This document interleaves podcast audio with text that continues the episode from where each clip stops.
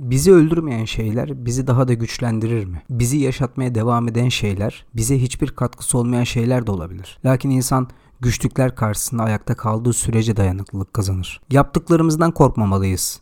Onları inkar etmek vicdan azabı doğuracaktır. Vicdan azabı insanı tüketir. Geçmişte kalmaya, geleceğe şüpheyle bakmaya neden olur. Bunların ağırlığıyla yaşayanlar şimdinin geçip gitmekte olduğuna seyirci kalırlar. Bu ise Nietzsche felsefesi açısından köle ahlakı doğuracaktır. Nietzsche'ye göre aptal bir adam trajik olamaz. Hatta metinde esel kelimesini kullanıyor. Esel hem eşek hem ahmak anlamına geliyor. Bağlıma bakarsak da tutarlı aslında. Filozof her zaman taşıyamayacağı bir yükün altına girer Nietzsche'ye göre bu yükü de bir türlü kaldırıp atamaz. Nietzsche aslında entelektüel zırvalığa, entelektüel budalalığa da bir e, atıf yapıyor burada. Kitap yüklü eşekler e, lafzını bir kullanmadığı kalıyor. Bu ifşaat bilgi dolayısıyla kirlenen ve gönülce doymuş tüm okuma yazma tayfasına da açıktan bir eleştiridir aslında. İnsan kalıplaşan hastalığa duçardır. Konformizm hastalığı. İnsan konformizm alanını bir türlü terk etmek istemiyor. Bu neviden kişilerin hayattan alacağı bir ders de olamaz. Hayatta niçin sorusunu sormak elbette iyidir. Yalnız sürekli bu atmosfer içinde yaşarsak bizi diyalektik ormanından kurtaramıyor. Niçinlere takılarak ihate edemediğimiz alanlara hapsediyoruz kendimizi. Nietzsche erkek kadını yarattı diyor. Tabi burada meseleyi speküle etmek için yapıyor bunu. Neden Tanrı neden böyle bir şey diyor? Yani Tanrı'nın idealinden. Ne o Tanrı'nın ideali? İşte kaburga kemiğiyle birleştirilebilir. Allah kadını bir erkek ve bir kadından yarattı. Burada tabi çok mesele var. Bu olayın tüm boyutlarıyla anlatılması burada imkansız. Sadece başlıklar halinde gidiyoruz. Havva yılanla sembolize ediliyor haliyle. Yahudi dininde kadının iki yaratılışı vardır kaburga kemiği sembolizmi kocasına itaat ile ilgilidir. Sadır çünkü dirayetle ilgili bir kelime Arapçada. Sadır göğüs demek. Hatta İbranice'de işah kadın anlamına geliyor.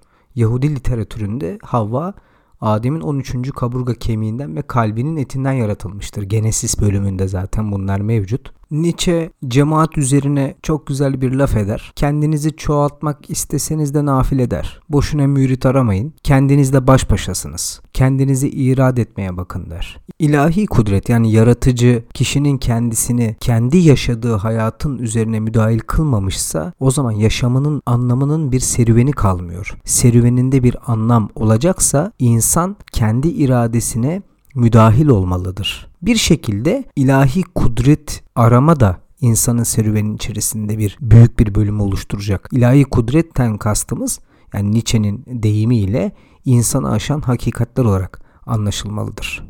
Erdemli olanı tercih ediyorsun lakin sonrasında gününü gün edenlerin avantajlarına gözünü dikiyorsun diyor Nietzsche. Erdemli insan avantajı lanetler. Avantajlar bizi insanlıktan çıkarıyor haliyle.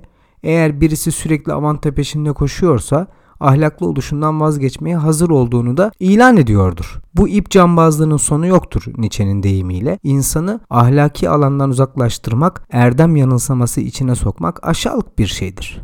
Dolayısıyla kötü insanların şarkıları yoktur. Nietzsche'nin Alman ruhu dediği şey Deutscher Geist dediği Alman aydınlanması ya da Alman idealizmi de diyebiliriz. Tamamen safsatadan ibarettir. Kendisiyle çelişkilidir. Özellikle Kant'tan biri. Bunu tarihçilikle de birleştirebiliriz. Özellikle Hegel'le. Başlangıç noktaları arayanlar kanser olur der. Yani burada Krebs kelimesini kullanıyor. Yengeç kelimesini kullanıyor. Tarihçi geriye bakar. Sonunda o da geçmişe inanır der. Yengeç anlamına gelen Krebs kelimesi bir şekilde kanserle birleştirilmiş burada. Dırdır etme deyimini tarihçilerin özellikleriyle birleştiriyor Nietzsche. Bunu anlamak için aslında Nietzsche'nin sonraki yargılarına bakabilirsiniz. Sistematize edicilere güvenmez Nietzsche. Yani bir sistem iddiasında bulunan hiçbir filozofa inanmaz. Onlardan kaçar kaçtığını söyler. İhate ediciler, yorumcular, eleştirmenler, tanımlayanlar, sınıflandıran sistem iradesi bütünlük ve özgüven eksikliğinden ibarettir ona göre. Yani önceki laflarını anlayabilmeniz için onun sistem iddiasında bulunanlara karşı olduğunu bilmemiz gerek. Flubert'e bir eleştiri sunar. Flubert insanın ancak otururken düşünebileceğine dair bir şey söylüyor burada. Ondan bir alıntı yapıyor. Nietzsche'nin eleştirdiği mesele hiçbir şey yapmadan beklemek tabii ki burada. Bunu alçakça buluyor.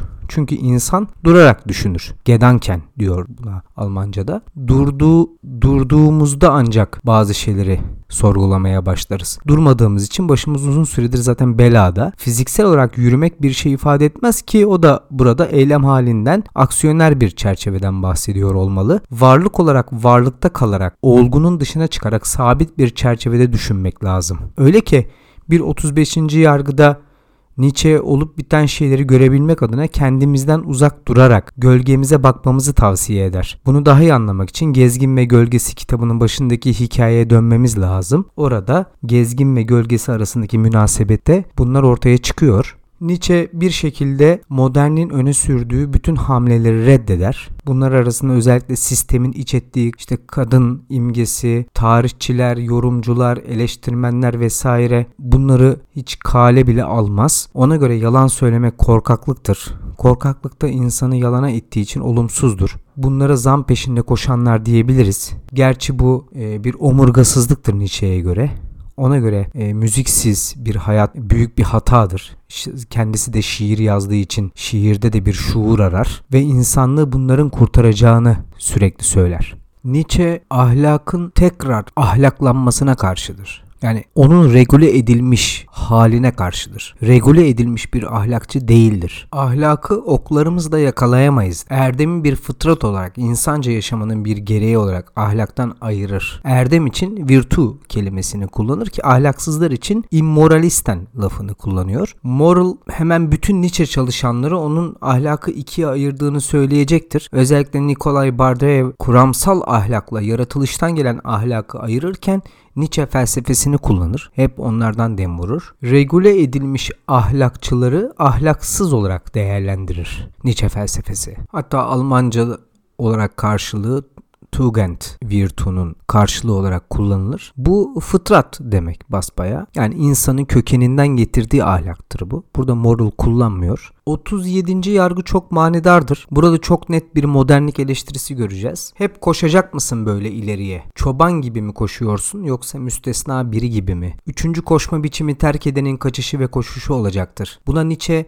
birinci vicdan sorunu diyor. Şahsiyetli olmak kendini kışa ya da yaza mahkum etmek değildir. Vicdan da Nietzsche'de insanı tüketen bir duygu demiştik. Lakin o da tıpkı ahlak gibi dışarıdan bir sömürü yoluyla geliyorsa böyledir ancak. Bir sonraki yargıda soruyor. Sahici misin yoksa bir oyuncu mu? Temsilci mi yoksa temsil edilen misin? Bir oyuncunun taklidinden başka bir şey değilsin. Bu da ikinci vicdan sorunudur. Üçüncü vicdan sorununda eyleme geçmeyen tipi görüyoruz. Az önce sarf ettiğimiz sözlerde vardı. Bu tipler vicdani soruna nasıl dönüşüyor? Bunlar konformist ve pasif oldukları için aptallaşmışlardır. İnsanın büyük sorunları ve soruları var. Lakin bırakalım cevap vermeyi bu tipler bunlara yakın mercek tutmaktan dahi acizlerdir. Bunlar gelişme, ilerleme, tarih, bilim ve sosyolojik din mefhumlarıyla adeta kafayı sıyırmışlardır. Bu şahsiyetleri köle haline getirmiştir. Entelektüel dal kavukluğun sınırlarında yüzerler adeta. Buna mukabil son olarak kişinin ne istediğini bilmesi gerekir diyor Nietzsche. Burada vicdani sorunlar aslında insanı sabah kalktığı zaman rahatsız etmeyen sorunlardır. Nietzsche bunları vicdani bir sorun olarak ele alınması gerekliliğinin nedenini sabah insan kalktığında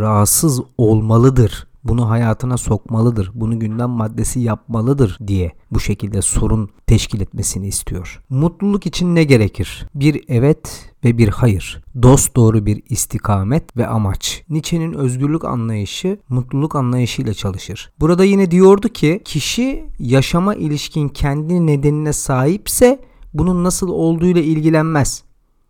İnsanın amacı mutlu olmak falan değildir. Yalnızca bu bir İngiliz'in amacıdır der. Burada hedef pragmatist John Stuart Mill'dir. Mutluluk paradoksal bir şeydir. İngiliz mutluluğu ise tek yönlü ve bayağıdır. Aslında burada yine eleştiri aydınlanmaya gidiyor. Bu mutluluğun aldatıcı olduğunu söylüyor Nietzsche. Mesele insanın bir istikamet üzere yol almasıdır.